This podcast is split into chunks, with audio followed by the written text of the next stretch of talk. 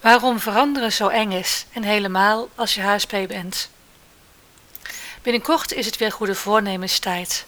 Heel veel mensen maken goede voornemens en heel weinig mensen houden zich eraan. Wil jij graag een van die mensen zijn die wel succesvol veranderen in de praktijk gaat brengen? Of heb je al lang een streep gezet door goede voornemens met nieuwjaar, omdat ze toch niet werken? Bang om te veranderen. In beide gevallen heb ik goed nieuws voor je. Je kunt er zelf een hoop aan doen om je goede voornemens te laten slagen. Maar wat je als allereerste nodig hebt, is begrijpen waarom veranderen zo lastig kan zijn. Dat is eigenlijk heel eenvoudig. We zijn bang. Toen mijn kinderen jonger waren, keken ze graag naar, Gordon Ramsay's Kitchen Rescues. Zij vonden vooral het vloeken en de puinhopen in de keukens leuk. Ik vond de mentaliteit van de eigenaars het meest interessant. Het waren allemaal restaurants die overduidelijk niet liepen, met verouderde menus en nauwelijks gasten.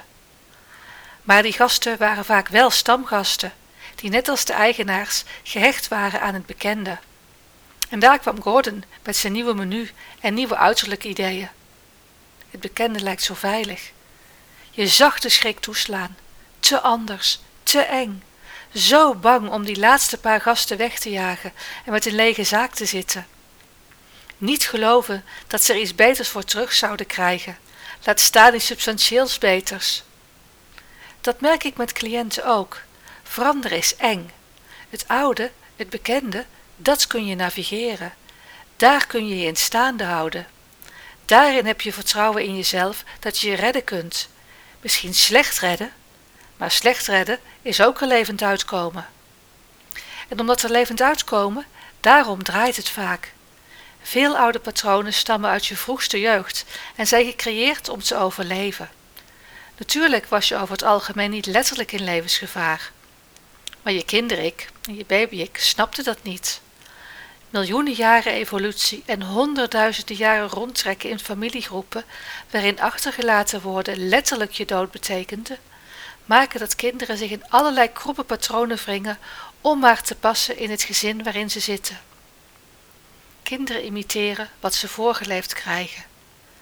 En dus gaan kinderen pleasen, stoppen ze zichzelf weg en bouwen ze muren om zich achter te verstoppen.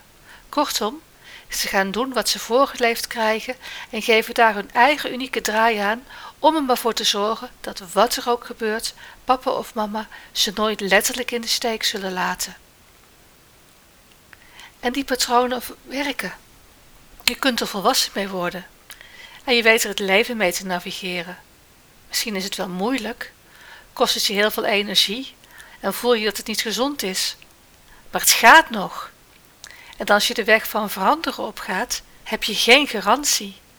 Sterker, veranderen betekent vaak dingen doen waarbij je kromme patronen op hol slaan. Nee, niet doen, gevaarlijk. Zeker als het gaat om dingen als grenzen aangeven of voor jezelf opkomen. En achter sommige patronen zit de invloed van generaties. Al die voormoeders die een leven van zichzelf wegcijferen en, op, wegcijferen en opofferen geleefd hebben. Al die voorvaders die hun leven, lijven kapot gewerkt hebben. Geen idee hoe het anders aan te pakken, want het werkte. Het gezin overleefde.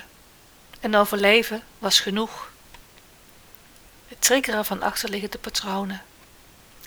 Zelfs een simpele nieuwjaarsresolutie, zoals meer rekening met mezelf houden, triggert vaak die achterliggende patronen. Die je, als je hoogsensitief bent, extra diep verankerd hebt en extra erg voelt. En dan is het ineens niet meer zo vreemd dat je er niet aan houdt.